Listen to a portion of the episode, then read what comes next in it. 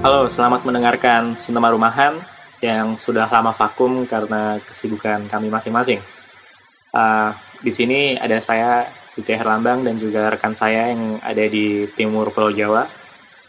Perkenalkan, dari Rakyat Sambu. Bukan Hmm. begitu, kan? Betul. Gimana Lip? Gimana Lip? Lama banget Nah, vakum ya? keadaan. Iya, lama vakum. Padahal gue sempet ke Jogja kemarin. Sempet ada kerjaan Hmm. di sana. Dan sekarang kayaknya lo gantian ya. yang sama temen-temen di Jogja yang ada garapan. Wah iya iya benar-benar. Gimana Gar? Nulis naskahnya yang di kerjaan yang ini. Ya gitulah. Belajar hal baru gitu. Ya jelas jelas belajar hal baru soal kedokteran kan. Jadi harus belajar. Oh, Gimana nih kita mau bahas apa nih sekarang? Iya. Kalau sekarang tuh sebenarnya kalau mau ngebahas serial kepanjangan ya. Kan belakangan tuh serial Vincenzo juga lagi populer gitu. Hmm. Terus entah kenapa di di di beranda Netflix tuh tiba-tiba ada Night in Paradise sama-sama film Korea gitu. Terus Ya. yang di posternya itu salah satu tokoh perempuan yang di Vincenzo yang jadi salah satu tokoh utamanya gitu lah. Nah, Ya. karena gue udah nonton Vincenzo-nya juga, gue penasaran kan, ini kok tiba-tiba ada film ini, apalagi ada emblem-emblemnya, embel-embel ini, apa dia pernah rilis jadi pembukaan festival Oh di iya. Eropa benar, gitu kan. Iya iya benar. Terus gue juga heran ini sebenarnya ada apa sih dengan industri film di Korea kok mereka tiba-tiba banyakkan ceritanya Mafia-mafia. tuh soal mafia terus soal hukum gitu penasaran juga kan terus ya udahlah mencoba menonton terus gue ngehubungin lo gimana kalau kita coba ngebahas yang ini dulu gitu Hmm. Iya iya iya iya. ya. ya kan terus ya udah kita akhirnya berdua nonton malah lo duluan yang ngelarin filmnya baru gue gitu Hmm. Jadi kita ceritain dulu aja secara sinopsis pendeknya. Ini tuh nyeritain soal soal geng-gengan, soal mafia-mafiaan di Korea. Jadi ada salah satu anak-anak buah tangan kanan lah dari ma- mafia ternama tuh uh, sepupunya ya, eh adiknya, adiknya sama anak-anak adiknya itu di di ini Ya. di dibunuh gitu Dibunuh. Ya. sama saingannya gitu sama Hmm. saingannya terus dia ngebales ngebunuh saingan mafianya itu terus dia kabur ke Pulau Hmm. Jeju gitu nah di situ akhirnya dia dikejar-kejar sama banyak mafia lagi gitu ini Iya. intinya tuh sebenarnya saling balas dendam aja sih yang Iya. kalau ditonton selama dua jam ya itu ya dua jaman gitu itu bakal banyak banyak apa adegan pertarungan adegan sadis terus adegan darah darahan intinya begitu sih sinopsisnya. Ya nggak? Betul nggak Gary? Ada yang ada yang mau ditambahin nggak? Betul betul Lip. Jadi eh, setelah misinya si Tegu tadi berhasil, dia pergi ke Pulau Jeju. Pulau Jeju itu kalau di drakor kan biasanya jadi pulau yang indah tempat buat ya ya gitulah. Cinta-cintaan ya. Cita-citaan. Tapi di buat sini drama gitu filmnya di sini justru dibikin bunuh-bunuhan berdarah-darah. Jadi kayak kontradiktif gitu. Hmm. Pulaunya tempatnya indah tapi dipakai buat sesuatu yang negatif gitulah kayak bunuh-bunuhan gitu. Jadi kayak mungkin itu apa eh, pesan dari judulnya kali ya Night in Paradise. Paradise-nya itu Pulau Jeju, night-nya itu kan gelap gitu. Maksudnya Gelap. night night Ah. itu malam, malam itu kan biasanya gelap kelam. Mungkin maksudnya ya suasana yang kelam di Pulau Jeju mungkin gitu. Bisa diartikan ya mungkin. mungkin ya. ya ibaratkan lebih. setiap tempat yang indah tuh pasti ada sisi gelapnya gitu mungkin ya Iya, iya, iya. Ya semacam itulah. ya semacam itu gitu Iya. kita kayak biasanya nih kita ngebahas dari ceritanya dulu nih Gar Oke. menurut lo gimana Gar jujur aja gue pas awal-awal nonton sempat wah ini kayaknya asik nih gitu karena tiba-tiba udah ada yang mati duluan di awal gitu kayaknya asik gitu terus udah ada bunuh-bunuhan kok tiba-tiba gue ngerasa temponya kok jadi begini gitu kok ag- agak lambat habis itu gitu. Gue di tengah-tengah nonton tuh sebenarnya agak ngerasa aduh gimana ya gimana gitu. Apalagi tiba-tiba ada bunuh-bunuhannya. Ini bukan genre yang gue banget sih sebenarnya makanya gue Sama, nontonnya uh, banyak distraksi dalam artian tiba-tiba minum air putih terus ngelakuin kegiatan lain dulu baru dilanjutin Wah. gitu Wah serius sampai kayak gitu. Iya. Kalau gua sih sebatas nutup mata pas ada adegan tusuk-tusukan aja. aku tuh suka Pas tusuk-tusukan nggak maksudnya ini terlalu realistis banget, eh, terlalu apa ya keli- kelihatan kayak nyata banget gitu. Mulai dari adegannya, Adegan-adegannya ya? nu- nusuknya, terus darahnya sampai sampai sound efeknya gitu emang berasa real banget gitu.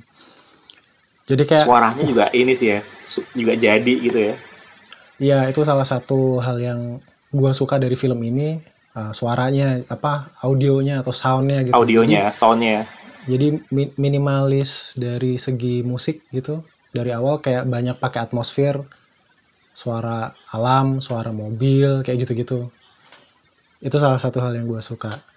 Nah, dari Hmm. segi cerita, emang gimana ya? Intinya ya emang cuma balas dendam aja.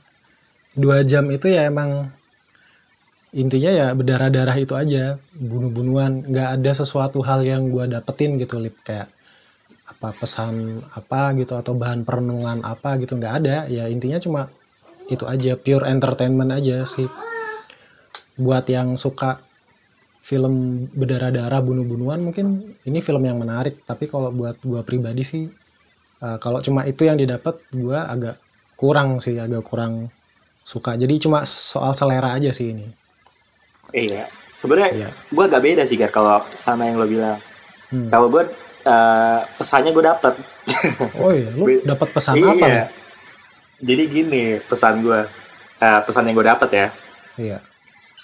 kalau lo uh, nurutin ego lo buat balas dendam itu tuh bakal jadi jadi um, bola yang muter terus nggak bakal berhenti jadi kalau misalnya lo balas dendam ngebunuh yang ini dia bakal ngejar lo lagi ngebunuh lagi terus dia bakal ada yang ngebunuh lagi jadi muter gitu terus aja Oh iya, kayak sebenarnya iya. kan iya kan cuma gitu doang sih yang gue dapet Iya, jadi iya. ada baiknya Maksud- kita kayak merelakan aja gitu kalau misalnya ada sesuatu yang ya udahlah gitu kita coba relain gitu daripada Iya, kita betul, betul. balas betul. dendam tapi muternya nggak nggak kelar kelar gitu Iya, iya maksud gua iya itu itu bener lip. Tapi maksud gua tuh Iya. kayak nggak ada sesuatu hal yang baru gitu.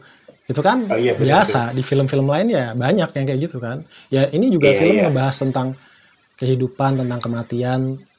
Mati sekarang sama mati besok sama aja ya udah kalau mati sekarang ya udah nggak apa-apa kayak gitu gitu kan Ah. juga ada yang dapat tapi kan itu nggak cuma didapat dari film ini dari film lain kan juga banyak yang Ada juga. ngebahas kayak gitu iya gitu maksudnya Nah, ya kita kita kita sepakat kalau misalnya uh, yang pertama ini film bukan selera kita betul terus bukan genre yang kita suka gitu iya iya, iya. Oke, dari cerita kita putuskan bahwa kita sepakat soal itu semua. Terus Hmm. kita ngebahas sesuatu yang menarik juga di sini soal teknis. Kalau dari gua teknis, ini kayaknya emang oke banget sih. Tipikal film apa ya, yang Rapi rapi, ya? secara teknis Betul. dari sound desainnya, terus dari cahaya, sinematografinya, iya iya iya artistiknya juga itu itu Iya. kayak jadi semua gitu. setuju Kayak setuju ya. matang gitu. ya kalau aja ini bukan film bunuh-bunuhan mungkin emang bakal keren sih ya nggak iya juga iya ya. iya Nah, Iya, nggak tahu juga ya terus uh, kartunnya yang dibuat adem bukan adem sih dingin dingin kayak gitu ya ya ngepas Hmm. aja sama suasana film ini. Terus tuh kayak kayak ngebuat ngebuat Jeju yang bisa dibilang uh, pulau penuh romansa gitu jadi kelihatan nggak nggak nggak ada hangat-hangatnya gitu. Iya betul betul. Dibikin dibikin dingin ya. Uh, tapi jujur gue agak terganggu sih Lip, apa? dengan grading color gradingnya tonnya tuh yang kan biru dia ke biru gitu. iya biru hijau kan. Jadi dia ada kayak Iya. green cast warna kehijauan di kulit kan di skin tone-nya kan ada hijau-hijaunya. Ha, itu gue agak terganggu. Gitu. jadi kayak terganggu. kayak apa ya kesannya tuh kayak kayak sakit gitu.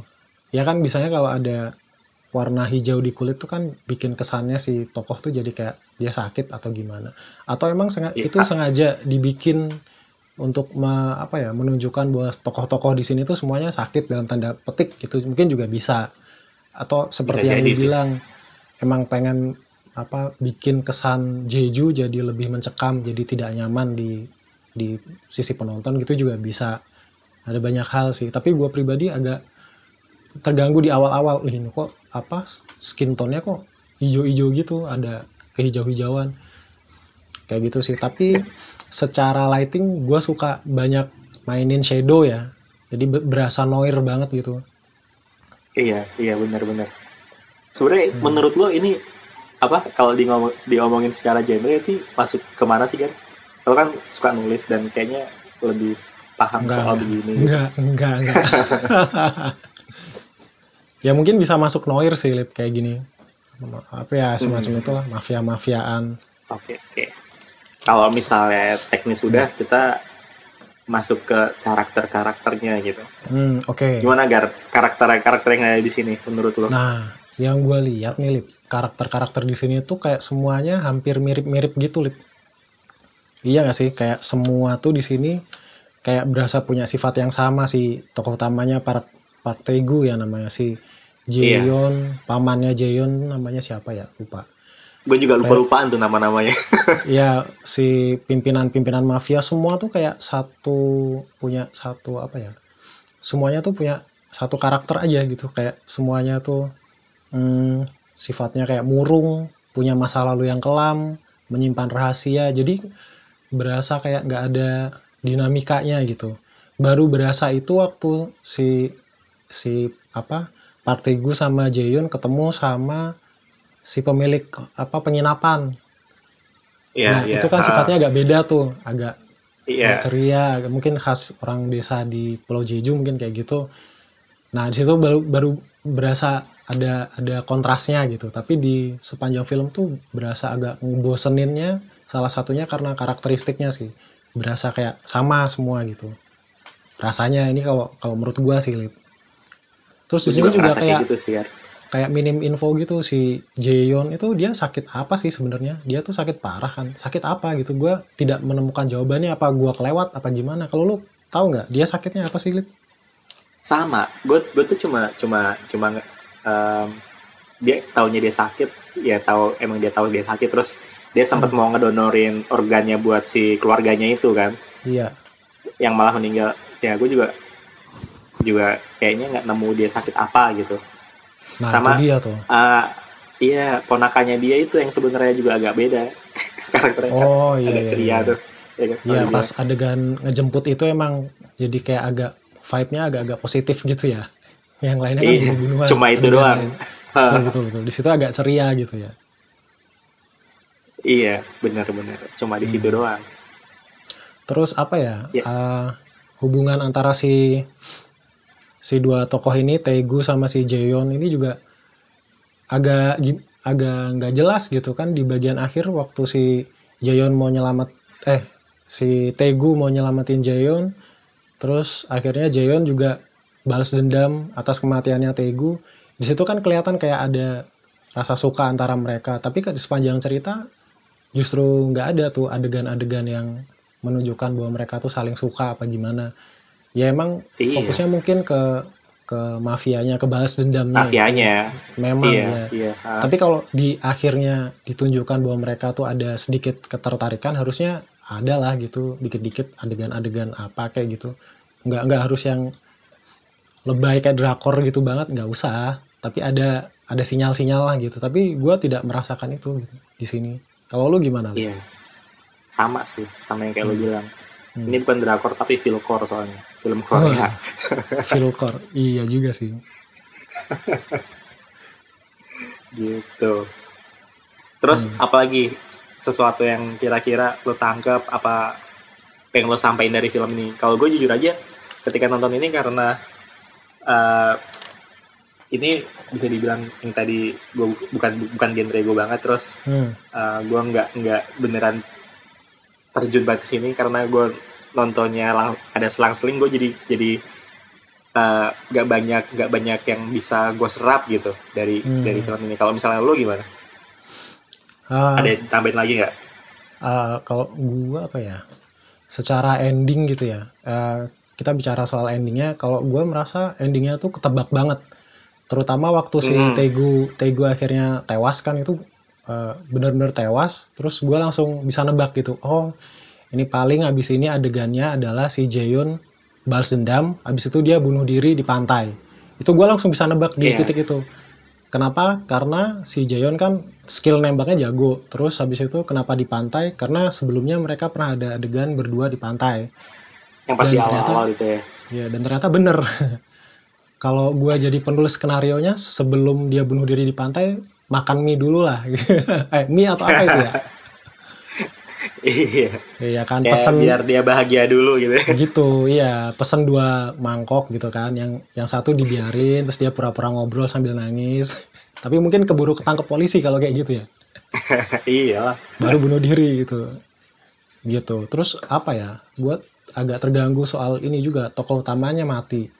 Sebenarnya di penulisan cerita nggak apa-apa sih kalau kita ngebunuh tokoh utama, tapi harus ada sesuatu yang jadi apa ya, yang kita kasih sesuatu yang- yang kita kasih ke penonton sesuatu yang lain gitu, sebagai apa ya, sebagai imbalan atau apa itu loh istilahnya, balasan gitu, bahwa si tokoh utama mati nggak apa-apa, tapi ini loh ada sesuatu yang gua kasih buat lu, apalah itu bentuknya Hmm. kayak pembelajaran, perenungan, apa pun itu ya bentuknya. Kayak misalnya di film lain Titanic misalnya si iya Tokoh si Jacknya mati gitu ya mati. Tapi kan di situ kita belajar tentang cinta sejati, tentang apa pun itu banyak hal yang kita dapetin setelah si si tokoh utamanya mati. iya Itu iya di film-film lain kayak Saving Private Ryan itu juga si uh, Captain Millernya juga dia mati gitu. Tapi dia berhasil menyelesaikan misinya. Kita bisa belajar misinya tentang ah. ya kita belajar banyak hal lah dari dari perjalanannya. Nah di sini tuh ya masalahnya di film ini itu di film Night in Paradise ini gua itu tidak merasa simpati kepada karakter utamanya dari awal sampai akhir. Jadi kayak penulis skenario nya tuh gagal bikin gua bersimpati gitu. Bahkan di tengah-tengah tuh karena gua nggak bersimpati dia mau ketabrak mobil mati juga gua bodoh amat gitu nggak nggak peduli si apalagi si Jaehyun ini si tokoh cewek yang dingin dan punya masa lalu kelam dan jago nembak ya dia siapa terus dia nggak ngelakuin apa-apa yang bikin gua sebagai penonton bersimpati gitu ya dia cuma sebatas sakit tapi itu nggak cukup kuat untuk bikin penonton bersimpati kalau menurut gua ya jadi gua juga nggak bisa peduli sama dia gitu dan itu sebenarnya tantangan terberat penulis skenario adalah bikin penonton peduli sama si tokoh utamanya. Kalau gagal ya akhirnya ya gitu. Jadi penonton nggak peduli mau tokoh utamanya mati kayak mau gimana kayak. Jadi sampai akhir ya ceritanya nggak nggak buat gua sih kurang membekas gitu karena karakternya itu tadi karakterisasinya menurut gua di sini agak lemah sih Lip. Hmm. Ya kalau menurut lu gimana? kalau di sini gue ngikut apa kata lo ya kan gue Terus- entah kenapa yang di di film ini kayak ya itu nontonnya tuh kayak kepenggal-penggal gitu loh nggak nggak yang Hmm. bisa full langsung gitu terus ya udah nonton tiduran terus kalau capek di Lanjut. pause dulu terus Iya. coba ngebuka aplikasi lain entah gue main game dulu entah apa gitu apalagi kalau pas menjelang yang adegan berantem berantemnya gitu kan gue langsung Ah. beralih dulu sebentar kayak mau nafas dulu baru ke situ gitu Mempersiapkan diri dulu ya. iya entah kenapa kayak gitu ini sebenarnya entah kenapa agak-agak beda sama ketika gue nonton The Raid gitu itu kan sebenarnya juga cuma Hmm, film hmm, hmm. berantem yang sadis cuma Ya, agak beda aja gitu ya. mungkin karena ada ada ya ini film yang ngebuat orang Indonesia terus kita ada ada keterikatan Ah, nasionalisme ya. gitu mungkin ya Wah, bisa jadi. Ya, ya. Terus yang gue agak terganggu lagi pas adegan sebelum si Jaehyun bunuh diri itu, dia kan balas dendam tuh di rumah makan. Itu berasa kayak gampang banget gitu, kayak nggak ada perlawanan sama sekali. Jadi begitu masuk kunci bunuh semuanya. Bahkan si siapa itu yang tokoh jahatnya direktur Ma ya direktur mah dia kan sebagai villain di sini sebagai tokoh antagonis kayak nggak ada perlawanan sama sekali ya udah cuma lihat ditembak udah tewas. Semuanya gampang banget. Di dalam cerita iya, jadi kayak Kenapa nggak dari awal gitu? ya? Harusnya kasih kasih rintangan dikit dong kasih halangan dong. Kalau kalau di penulisan skenario kan kita biasanya gitu lip. Jadi ketika si Iya, tokoh iya. si tokoh udah punya tujuan ya jangan biarkan dia menyelesaikan tujuannya dengan mudah. Gitu ya kasih rintangan kayak apa gitu. Ya kan di situ ada banyak banyak yang bisa dimainin kan si anggota mafianya si tokoh direktur maknya dan lain-lain itu bisa banget. Tapi mungkin durasi jadi lebih panjang sih jelas. Hmm. tapi kalau kayak gini berasa kayak apa ya terlalu gampang aja gitu. Ya kalau lo main game tuh kayak raja terakhirnya raja terakhirnya gampang gitu kali ya. nah gitu Kan kan biasa raja terakhir susah gitu kan. nah itu bayangin aja lu main game dari awal udah susah itu begitu ketemu raja terakhir ya gampang Iya. iya gitu Yang lag tuh raja terakhir. waduh nggak ikut-ikut dah gue gitu oke jadi Ah. kesimpulannya gimana lip dari lu Ya gimana kesimpulannya mungkin buat teman-teman yang suka ini, yang suka eh, film-film pertarungan, Hmm. mafia-mafiaan, terus sadis-sadisan, ini bisa ditonton sih. Hmm. film darah-darahan gitu. Ya. Ini cocok ditonton cuma kalau kalau butuh sesuatu yang menghibur lebih lebih dari ini. Hiburannya bukan hiburan yang berantem, hiburan yang darah-darahan gini.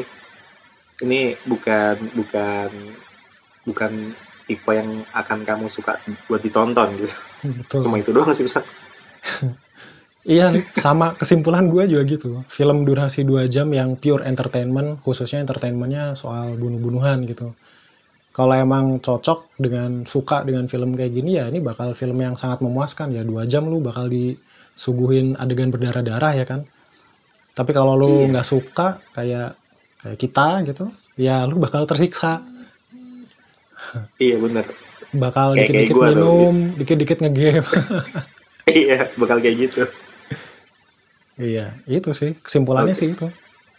Nah, ya udah kita udahin dulu Iya. eh, podcast yang hari ini Night in Paradise. Kita mencoba untuk lebih konsisten lagi ya di sini ya. Mudah-mudahan. Tapi kalau pas lagi ada halangan ya kita vakum lagi gitu ya. Karena ini podcast suka-suka. iya, betul sekali. Oke. Gue di sini undur diri. Ya, gue juga undur Dan- diri.